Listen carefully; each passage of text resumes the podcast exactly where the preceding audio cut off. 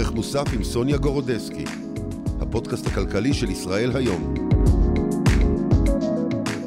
לכם, העיסוק ברפורמה המשפטית דחק מסדר היום נושא חשוב אחר, והוא יוקר המחיה. אבל אנחנו לא שוכחים, ונדבר על כך היום עם ראש מחלקת שווקים והכלכלן הראשי של רשות התחרות, אוריאל סיטרואן. בהמשך תהיה כאן דוקטור מרים שוורט זיו, מרצה בכירה למימון בבית הספר למנהל עסקים באוניברסיטה העברית, וחברה בצוות המומחים של חברת אלדר משכנתאות. ואיתה נדבר על איך תשפיע קריסת הבנקים בארצות הברית על הכיס של כולנו. מתחילים. אוריאל, שלום. מה שלומך? בסדר גמור. טוב, אז אה, בואו נתחיל קודם כל שתסביר לנו אה, מה, מהי רשות התחרות. אוקיי, אז רשות התחרות היא רשות שאמונה על אה, שמירה על התחרות במשק. בעצם אני, יש לה ארבע פעילויות מרכזיות, אם אני מסתכל ממעוף הציפור. פעילות הראשונה שלה זה בעצם אכיפה נגד קרטלים. זה כשחברות מתאמות ביניהם שהם לא, רוצ... שהם לא יתחרו, זה עבירה פר סה, היא אסורה, לא, לא צריך להוכיח אה, עלילות לפגיעה בתחרות, ושם יש לנו ממש כמו משטרה ברשות, שבודקת ו... ותופסת מפירי חוק שעושים קרטלים. Mm-hmm. זה, זה פעילות אחת. פעילות שנייה, זה בעצם אה, עם מונופולים, אה, חברות שיש להן כוח, עושות כל מיני דברים אסורים. זה לא שאסור להיות מונופול, אבל לפעמים הן מנצלות את הכוח שלהן כדי לפגוע בתחרות. אז יש לנו uh, גוף אכיפה שמחפש את המקרים האלה ועושים אכיפה כנגד המונופולים, זה פעילות שנייה. פעילות שלישית זה בעצם משטר על מיזוגים. יש הרבה עסקאות במשק, הן צריכות אישור מראש מהרשות, אנחנו בודקים שזה לא יפגע בתחרות, והממונה יכולה לאשר או להתנגד למיזוגים. כן, למשל חברה אחת קונה חברה אחרת, ואתם דואגים שלחברה שקונה למשל לא יהיה כוח שוק גדול מדי, אוקיי? בדיוק. אז יש בערך 200 עסקאות כאלה בשנה. Mm-hmm. ואנחנו, אה, אם זה עלול לא לפגוע לא בתחרות, כן? כן. אז אנחנו מונים את המיזוגים האלה. אוקיי. והפעילות האחרונה, שהיא לא במסגרת החוק, כל אלה היו במסגרת החוק, הפעילות האחרונה, חלקה היא במסגרת החוק שלנו, זה בעצם ייעוץ לממשלה ולכנסת. אנחנו נמצאים מול כל המשרדי ממשלה, מחפשים רגולציות שיכולות לפגוע בת, בתחרות, או אם יש כשל שוק שאנחנו חושבים שרגולציה יכולה לקדם תחרות בשוק מסוים, אנחנו מנסים לשכנע קובעי מדיניות בעצם להגביר את התחרות. זו פעילות שפיתחנו בשנים האחרונות יותר ויותר, ו... ואנחנו בקשר עם כמעט כל משרדי הממשלה בניסיון לקדם תחרות בשווקים. אוקיי, okay, אז לפי מה שאני מבינה, אתה הבן אדם הנכון אה, שיכול להסביר לנו, הבן אדם הנכון לשאול אותו, מה הגורמים העיקריים בישראל ליוקר המחיה. ואני אתן לך דוגמאות, אם ניקח מוצרי טואלטיקה רבים שכולנו מכירים, אה, מוצרים מיובאים, למשל דאודורנטים, שמפואים, שמיובאים מחו"ל. אז כל אחד שביקר מתישהו באירופה, שם לב באמת לפערים עצומים שיש, של עשרות אחוזים, אה, משחות שיניים, אה, סכיני גילוח, איך מסבירים את הפערים האלה? אז, אז המילה יוקר מחיה, קודם כל חשוב להגיד, זו מילה שהיא מאוד רחבה. כן. ולפעמים יש אה, דברים שהם בכלל קשורים למקרו-כלכלה, שגורמים לפערים במחירים, אבל אני לא רוצה להתמקד בזה, כי על זה אין לנו שליטה. אנחנו צריכים לקחת את המשק הישראלי ולראות איך מממשים את הפוטנציאל התחרותי שאפשר להשיג בישראל, ואם אני רוצה לחלק את הגורמים ליוקר המחיה אה, לגורמים עיקריים, אני אגיד שיש אה, שלושה גורמים עיקריים. כן. הגורם הראשון, שהוא לפי דעתי מאוד מאוד חשוב אה, להפקיע בו, אבל הוא מאוד מאוד קשה, זה כל מיני חסמים רגולטוריים. אם זה מכסים, מיסים, כשרות, תקנים, כל מיני דברים שהם ייחודיים לישראל שאין באירופה למשל, mm-hmm. אז מאוד קשה לייבא מוצרים מאירופה לישראל. יקר יותר לייבא אותם בגלל כל מיני חסמים רגולטוריים וצריך להסיר את, את אותם חסמים. אז כן. זה הגורם הראשון, זו עבודה מאוד קשה, אנחנו מנסים כל הזמן לעשות את זה, אמ, אבל זה, זה קשה. Mm-hmm. אבל אני מאמין שבסוף נבקיע. הדבר השני שגורם ליוקר המחיה בישראל זה בעצם פעילות של החברות בתוך השוק. זה יכול להיות מונופולים שדיברנו עליהם, שמנסים אה, לחסום מתחרים להיכנס, זה הסכמים של כל מיני גופים עם, עם גופים אחרים שיכולים לפגוע בתחרות, זה יכול להיות אה, הסדרים שהם אסורים כמו כמו קרטל, mm-hmm. זה דברים שצריך uh, למצוא אותם, אני לא יודע שהם קיימים, אבל יש כל מיני חקירות בקנה שמנסים לבדוק את הדבר הזה. והגורם השלישי זה בעצם התנהגות צרכנית. בסוף אם הישראלי יאהב מותגים, אני לא, לא מאשים את ה... ואנחנו כנראה כן אוהבים כן, מותגים. כן, אני לא מאשים את הצרכנים הישראלים, בסוף זה העדפות, אבל ככל שאנחנו נאהב יותר מותגים בכל קטגוריה, אז, אז אנחנו נהנה גם מפירות התחרות. כי אם אה, אני לא רוצה דווקא לקנות אה, שוקולד כזה או אחר, או משחת שיניים כזאת או אחרת, אז בסוף... אה, יהיה לי יותר מגוון. הסופר יודע שאם אני רוצה גם מותגים זולים יותר, הוא יהיה חייב להציג לי את זה במדף, וזה כן. גם עוד משהו שיכול להשפיע על יוקר המחיה. אבל מה לגבי היבואנים הבלעדיים? אני אה, ככה קראתי ושמעתי הרבה הסברים, שזה גם, אה, זאת גם אחת הסיבות ליוקר המחיה הגבוה בישראל. אם יש לי יבואן אחד שהוא מביא אה, לארץ משחת שיניים מסוימת, או סכיני גילוח מסוימים, ובעצם אין כניסה ליבואנים אחרים לשוק הזה, אז... זה מסביר את המחיר. אז, אין אז, תחרות. אז אני, אני רגע אדבר בדיוק מה, מה זה עושה, כי יש פה כמה אלמנטים. אז קודם כל, תחרות ישירה על משחת שיניים למשל, של קולגייט, זה יהיה אקווה פרש וקרסט, זה סתם כדוגמה. אבל אין לנו קרסט אה, בישראל. כן. אה, תחרות, נכון? כן. תח... טועה. כן, אין. אה, יש, אבל לא, לא נמכר בכמויות. כן. אבל אוקיי. זה תחרות מסוג אחד. תחרות מסוג אחר, זה למשל, אני מאוד אוהב קולגייט, כן. ואז אני מוצא ביבוא מקביל קולגייט, אמ, ועכשיו אנחנו אה, עובדים על תיקון חוק, זה כבר עבר אה, קריאה ראשונה בכנסת, שאנחנו נוכל אה, להעניש, לאכוף כנגד יבואנים רשמיים שמנסים למנוע את היבוא המקביל. אבל עדיין... איך הם יכולים למנוע, דרך אגב? מה הם עושים? לפעמים הם מתקשרים ליצרן המקומי. מה, מה זה בעצם יבוא מקביל? יבוא מקביל זה בעצם, בוא נניח שאני אה, קולט שיש איזה דילר בפולין, mm-hmm. שיש לו מכולה של אה, משחות שיניים קולגייט למשל, כן. ואני עכשיו מתקשר לאותו מפיץ ואני אומר לו, בוא תמכור לישראל. Mm-hmm. אז מה שהיבואן הישיר יכול לעשות זה להתקשר ליצרן ולהגיד, רגע, תמנע מהדילר הפולני שלך למכור לישראל, זה דופק אותי. כדילר שלך בישראל. כן. אז דבר כזה, אנחנו עכשיו נוכל לאכוף נגדו, אסור לו ליצור קשר עם היצרן ולהגיד לו, אל תמכור לישראל. נכון, ובכל מקרה מדובר גם בכמויות לא משמעותיות. נכון, אז יבוא מקביל הוא מוגבל, כי קודם כל היצרן יכול עדיין לשלוט על הדילרים שלו כנראה. וזה רק מדי פעם, כשיש איזו הזדמנות, רק אז אפשר, אה, זה לא משהו שאפשר לבנות עליו, שהוא זה שיפתור את יוקר המחיה בישראל, כן. אבל זה כן צעד שיכול להוזיל. הדבר השלישי, תחרות מסוג שלישי, זה לאו דווקא משחת שיניים במשחת שיניים. לפעמים יש ספק שיש לו הרבה מותגים שמאוד אוהבים. למשל, יש לו גם קולגייט, גם... אה, ג'ילט. גם, אה, כן, אז בוא, אז למשל... פלמוליב.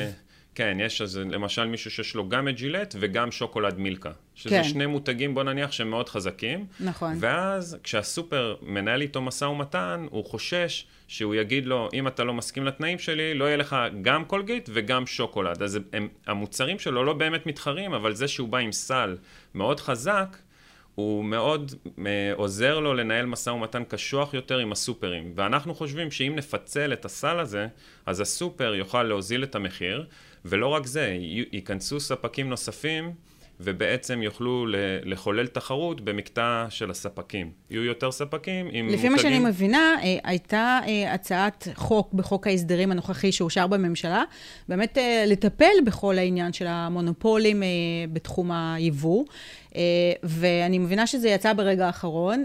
מהי עמדתכם בנושא? אז, אז חשוב להגיד, זה, זה מהלך שאני חושב שבסוף הדרך הוא יקרה. אבל מה שקרה, אנחנו שמענו מיצרנים קטנים, הם היו מוגדרים בינוניים, אבל לא משנה לצורך ההגדרה, היו יצרנים ישראלים. שבעצם מה היה ש... המודל רק? אה, אז שנבהיר את זה, כן. כן אז אולי נדבר על זה, כן, נסביר את זה. כן, אז בעצם אה, לפתור את החשש השלישי שהסברתי, שבעצם אה, ספק מגיע עם סל מאוד גדול מול הסופר, ואז הוא יכול בעצם לאיים עליו, או להיות חזק מולו במשא ומתן, שאם הוא לא יגיע לתנאים, אז לא יהיה לך הרבה את כל הסל בסופר, כן. והוא בא בעצם עם אה, אה, חוזק, וזה גם עוד חשש שהוא יכול לקשור מוצר חזק למוצר חלש, כאילו הוא אומר, תקבל הנחה אם תקנה ממני את המוצר החלש, תקבל הנחה במוצר החזק, זה עוד דרך שאפשר ככה לדחוק אה, מתחרים קטנים. אז uh, מה שרצינו לעשות זה בעצם להגיד לספק, אם אתה uh, מביא יצרן גדול בבלעדיות, כן. למשל אתה מביא את פרוקטר אנד גמבל mm-hmm. בבלעדיות, אתה לא תוכל לייצג בישראל יצרנים בינוניים. Mm-hmm. תן לספק אחר עכשיו להביא יצ- את היצרנים הבינוניים, וככה אתה מכניס עוד ספקים לשוק, זו אופציה אחת. אופציה אחרת זה שאם אתה רוצה עדיין להביא גם גדול וגם בינוניים, אז תוותר על הבלעדיות.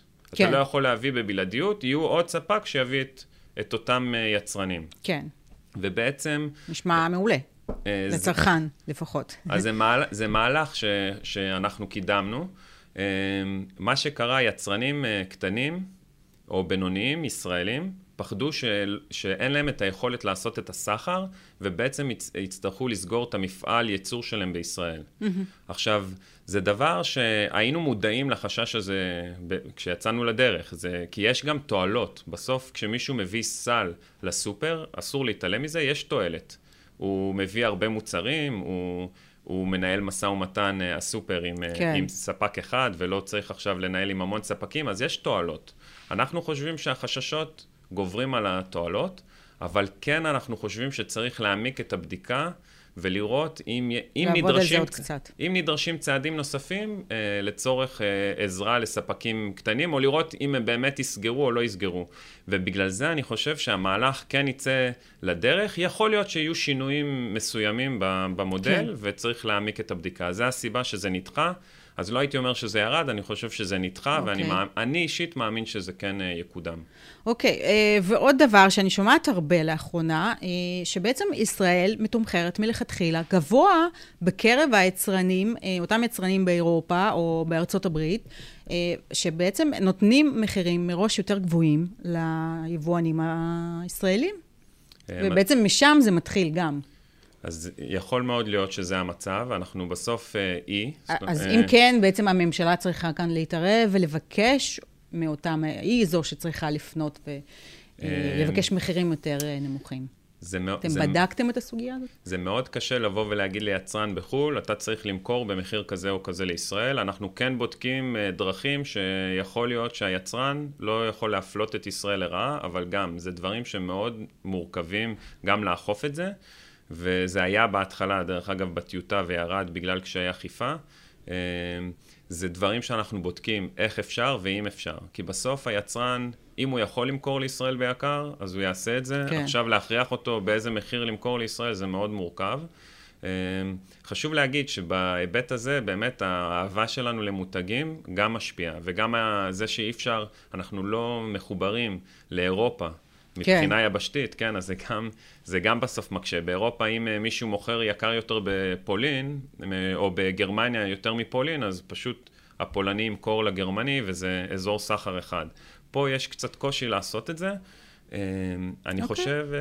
בואו נדבר על הגעת הרשתות החדשות לישראל, בשורה לצרכן, או לא? למשל, אני מדברת על רשת ספאר ההולנדית שמגיעה, קרפור הצרפתית. נראה שעוד מעט אנחנו, תהיה לנו פה תחושה שאנחנו מסתובבים אה, באירופה. אני חושב שזו בשורה ענקית. כן. אני גם, אנחנו גם מרגישים את השוק, אנחנו כל הזמן אה, בקשר עם החברות בשוק ואנחנו מזהים לחץ מסוים, זה אומר שזה טוב.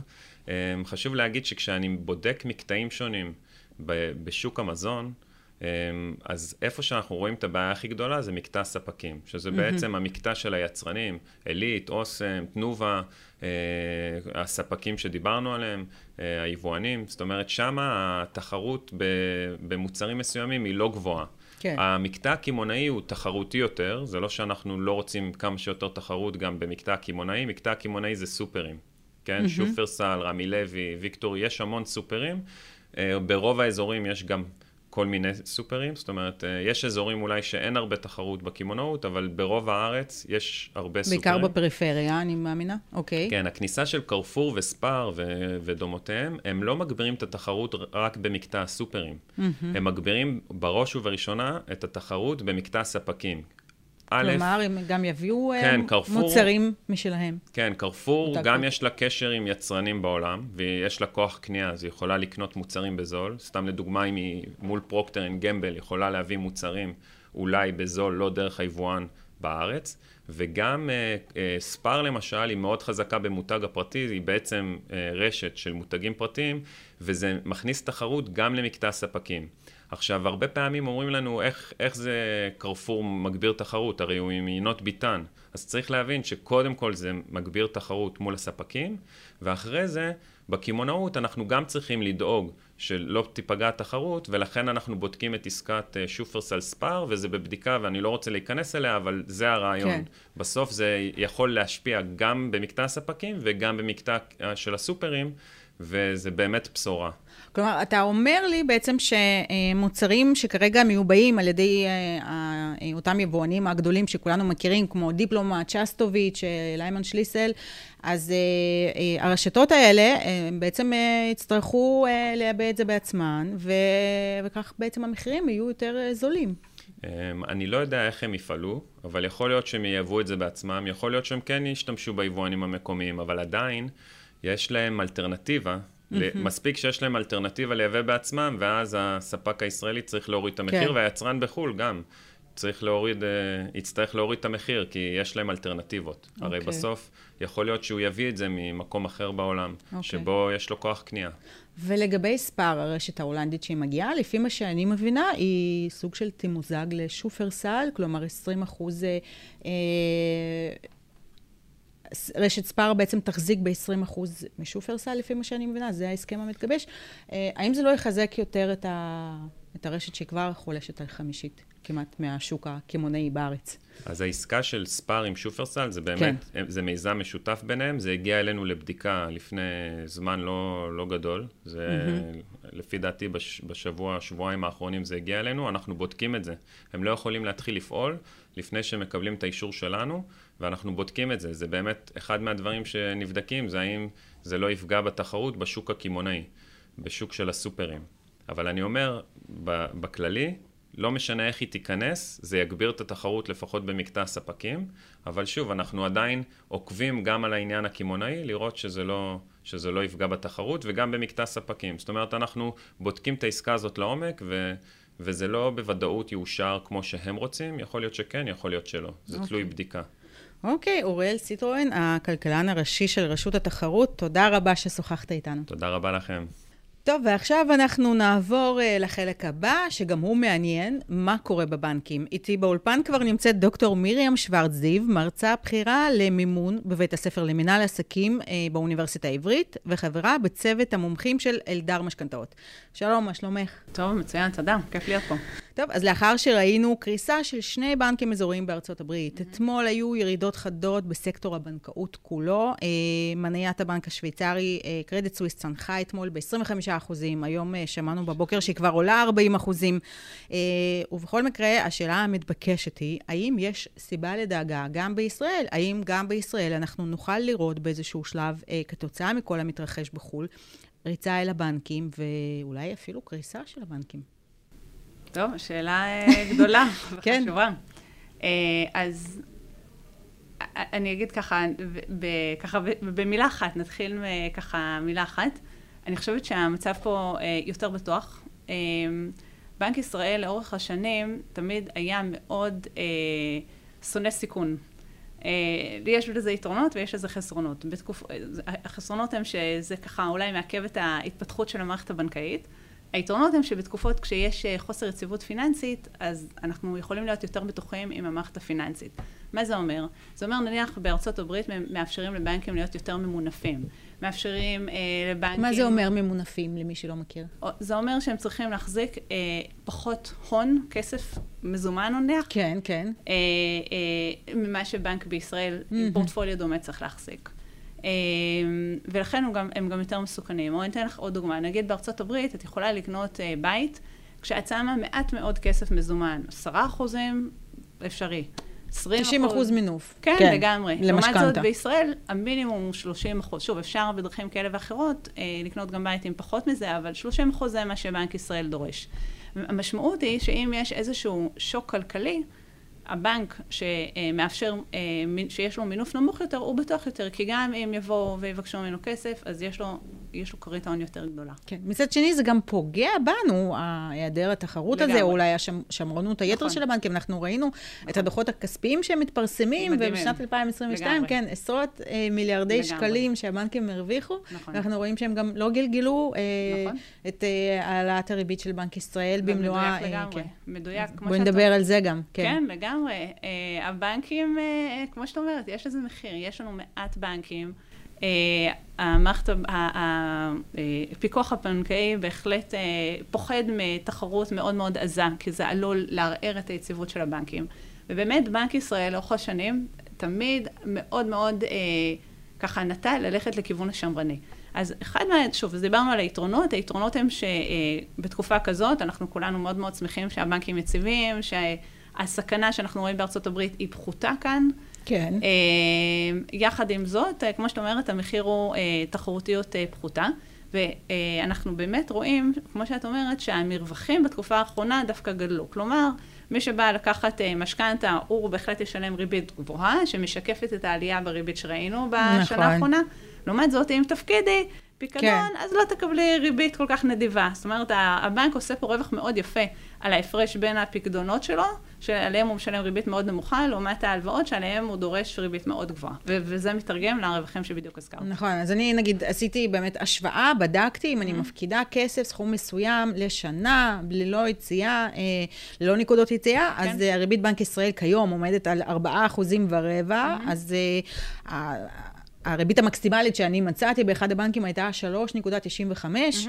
והרבה בנקים, גם הגדולים ביניהם, הציעו ריבית של 3 אחוזים, נכון. וזה באמת אה, נכון, מרווח... נכון, ומשם אה, מגיע הרווח. כלומר, כן. זה הביזנס של הבנק. המרווח הזה שאת מתארת, בין הריבית שאת נדרשת לשלם כשאת לוקחת הלוואה, והריבית שאת מקל... מקבלת, כן. זה הרווח של הבנק. אבל באמת, יצא עכשיו אה, מצגת של פרופסור אמיר ירון, הוא באמת הראה... את המרווחים האלה לאורך זמן, והראה בבירור שבאמת המרווחים גדלו בשנה האחרונה. וזה מה שמאפשר את הגידול ברווחים של הבנקים. כן, ובכל מקרה, אה, חלק מהעניין, חלק מהמשבר בעצם בארצ... אה, שאנחנו רואים כיום בארצות הברית, אולי, אולי מוקדם מדי לקרוא לזה משבר, אבל זה גם נובע, לפי מה שאני מבינה, מכל הרעש מסביב, מכל הפאניקה, ולאו דווקא באמת הבנקים הם באמת נמצאים, נקלעו לאיזשהו משבר פיננסי, אלא זה יותר סוג של פאניקה, יותר עניין אה, פסיכולוגי, שאנשים פשוט רצים לבנקים למשוך את הפקדונות, וזה מה שמפיל את הבנקים. אז בישראל אנחנו, יש פחות סבירות שזה יקרה, נכון? נכון? תראי, האפקט הפסיכולוגי הוא קריטי. הוא בכל קריטי. נפילה של בנק זה קריטי. האפקט הפסיכולוגי זה number one. כי אם את אה, פוחדת, אם עכשיו נניח אנחנו נצא, אה, אה, אה, את תראי משהו בעיתון, או מישהו יגיד לך משהו שיגרום לך לא לפחד שהבנק, שהכסף שלך לא בטוח בבנק, את דבר ראשון תלכי ותרוצי ותוציאי את הכסף שלך כדי לוודא שהוא אצלך והוא בטוח, ותשימי אותו במקום בטוח, אולי זה בנק אחר, אולי זה מתחת לבלטות שלך, אבל תשימי אותו במקום שאת בטוחה שהכסף בטוח. או בבנקים ו... אה, בישראל. אם את בוטחת, כן, בהנחה כן. שאת בוטחת בהם, כל עוד את בוטחת בהם. אמ, אבל, אבל ברגע שעוד ועוד אנשים אה, ככה שותפים לפחד שגם את אה, פוחדת, אז אז מתחילה הבעיה. כי הבנק, שוב, הביזנס שלו זה מזה שהוא אה, לוקח פקדונות מצד אחד ונותן אותם כהלוואה לגורם אחר. ואם פתאום כולם באים באותו זמן, באופן לא צפוי, ומבקשים את הכסף, כאן מתחילה הבעיה. עכשיו, אז לדוגמה, הסיפור, אחד הבנקים אה, בארצות הברית, הבנק שהתמחה בחברות הייטק, אה, היה שבאמת היה שם, אה, יש טענות שחלק מהמנהלים של קרנות הם אלה שדחפו בעצם את כל החברות שהם השקיעו בהם למשוך את הכסף, וזה ככה הוביל לאיזשהו אפקט דומינו. נכון, ראיתי את הציוץ הזה, כן. כן, כן, היו, גם, היו גם ציוצים, וגם היו אה, ממש בקבוצות אה, של ישראלים, לדוגמה, שככה משקיעים שעודדו את החברות שבהם הם השקיעו למשוך את הכספים. וזה בדיוק הפאניקה שאת מתארת, זה יכול לקרות אה, במסגרת של חברות, זאת אומרת, חברות שהשקיעו בבנקים, ואותו דבר יכול לקרות עם אנשים פרטיים, שאיבדו פתאום את האמון שלהם במערכת כן. הבנקאית, וזה בסוף זה בדיוק אותו דבר. הבנק פתאום צריך, לש... צריך למשוך, צריך אה, לספק ללקוחות שלו המון כספים, שהוא לא נערך לזה, ואז הוא נכנס לבעיית נזילות. מה שקרה בבנק בארצות הברית הוא שהם בעצם נאלצו למכור, כדי לאפשר לעצמם ש... לקבל את הנזילות שהם היו צריכים כדי לתת כסף ללקוחות, שכולם הגיעו באותו הזמן, הם מכרו אגרות חוב. שבינתיים השווי שלהם בפסד, ירד, כן. בדיוק, השווי שלהם ירד בגלל שהריבית עלתה כל כך מהנקודה שבה הם קנו את אגרות החוב ועד הנקודה שבה הם נאלצו למכור אותם במחיר השוק שהוא בינתיים ירד. Okay. אנחנו אוקיי. יכולים עוד לדבר על זה. כן, אבל בואי נדבר גם כן, עלינו, כן, על כן. מה שקורה בטח. בישראל. נתוני האינפלציה התפרסמו אתמול, יש אה, מקום לאופטימיות קלה, כי אנחנו ראינו באמת uh, התמתנות בקצב האינפלציה השנתי, uh, וגם ראינו התמתנות קלה במחירי הדירות. Uh, איך זה ישפיע, קודם כל, כל השילוב הזה, על, uh, עלינו, על ריבית בנק ישראל, שאמורה להתפרסם בעוד uh, כשבועיים? כן. אז תראי, האינפלציה היא באמת אה, עומדת עדיין על אחוז גבוה יותר ממה שהכלכלנים צפו. כן. אה, ו, ובנק ישראל, אפשר להתווכח האם, האם המדיניות אה, טובה או לא, אבל אנחנו בהחלט שומעים לאורך השנה האחרונה, אה, גם בארצות הברית וגם בישראל מצד ככה ההנהגה הפיננסית, אמירות מאוד ברורות שצריך להילחם בכל הכוח ובכל העוצמה באינפלציה. והעובדה, את צודקת שהאינפלציה התמתנה, שזה חדשות מצוינות, אבל עדיין העובדה שה... אינפלציה עוד פה, והיא גבוהה ממה שצפו, כן. תטריד את, אה, את הוועדה המוניטרית של בנק ישראל, להערכתי. אה, ולכן אני מניחה שהם ימשיכו, אולי, אולי באופן מתון יותר, אבל כן ימשיכו עוד קצת להעלות את, ה, את הריבית. הם יושפעו מדעתך ממה שקורה בארצות הברית, כן, גם בסקטור הפיננסי שם, וגם בעצם אה, מהחלטת הריבית כן. של הבנק הפדרלי. נכון מאוד. בנק ישראל הראה לאורך השנה האחרונה שהוא הולך בצמוד ובאופן די קרוב עם מה שהבנק הפדרלי בארצות הברית אה, עושה. כלומר, כשהבנק הפדרלי מעלה את הריבית, בנק ישראל הוא ככה די הולך אחרי כן. אה, הבנק הפדרלי. עכשיו, אם, אם בארצות הברית קרה איזשהו אירוע שהוא לא קשור לישראל, מה שקרה עם הבנקים שם לא קשור לישראל, אבל, נכון. מה, אבל מה הוא כן עושה? הוא בעצם אה, מציף את הצורך של הבנק הפדרלי להתחיל לייצב את השוק. וככל שמעלים את הריבית, השוק פחות יציב, כי יקר יותר להלוות כסף. ולכן, מה שאנחנו רואים עכשיו שקורה עם הבנקים בארצות הברית, צפוי, לא, לא לומר לגמרי לעצור את העלייה בריבית, כי עדיין יש שם אינפלציה גבוהה, אבל לפחות להאט את הקצב ולייצב, ולייצב את הריבית לאט לאט. ו... ובגלל שהם מסתכלים, בנק בדיוק. ישראל מסתכל... ובגלל שבנק כן. ישראל עוקב אחרי מה שקורה בארצות הברית, זה בהחלט ישפיע על מה שקורה בישראל. למרות שהסיפור שם הוא שונה והוא נפרד, כן. יש לו השפעה על ישראל, אבל הוא עדיין, אה, כמובן, קורה בארצות הברית, אבל בגלל הפוליסי של ארצות הברית, זה ישפיע על הפוליסי אז יכול להיות שהוא בעוד שבועיים, בנק ישראל יעלה, לא בחצי, את אומרת? אולי ברבע. בדיוק. אולי ברבע. אוקיי, למרות שהאינפלציה כאן עדיין גבוהה, ואוקיי.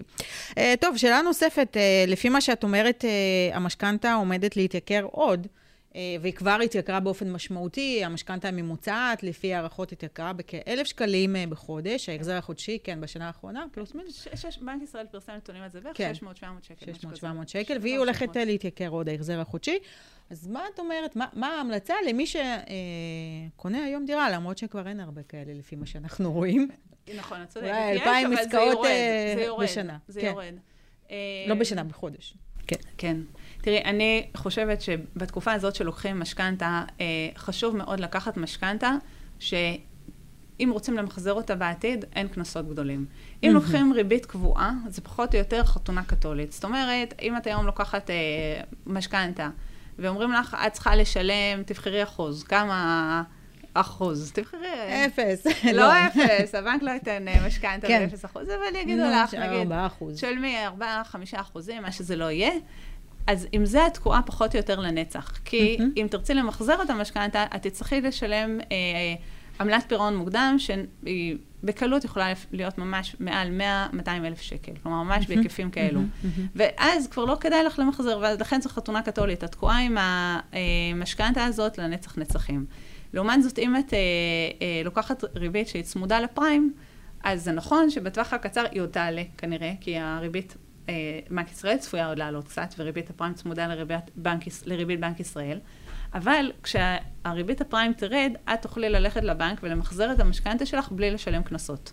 וזה מאוד משמעותי. ואני הייתי רוצה להשאיר לעצמי את הגמישות הזאת, למחזר את המשכנתה בעתיד, בלי לשלם קנסות, אה, כשהריבית תרד, ואני מניחה שהיא תרד, היא לא תישאר לנצח אה, ברמות האלו, הרמות האלה מאוד גבוהות, אנחנו לא רגילים לראות אותן לאור זמן ברמה היסטורית.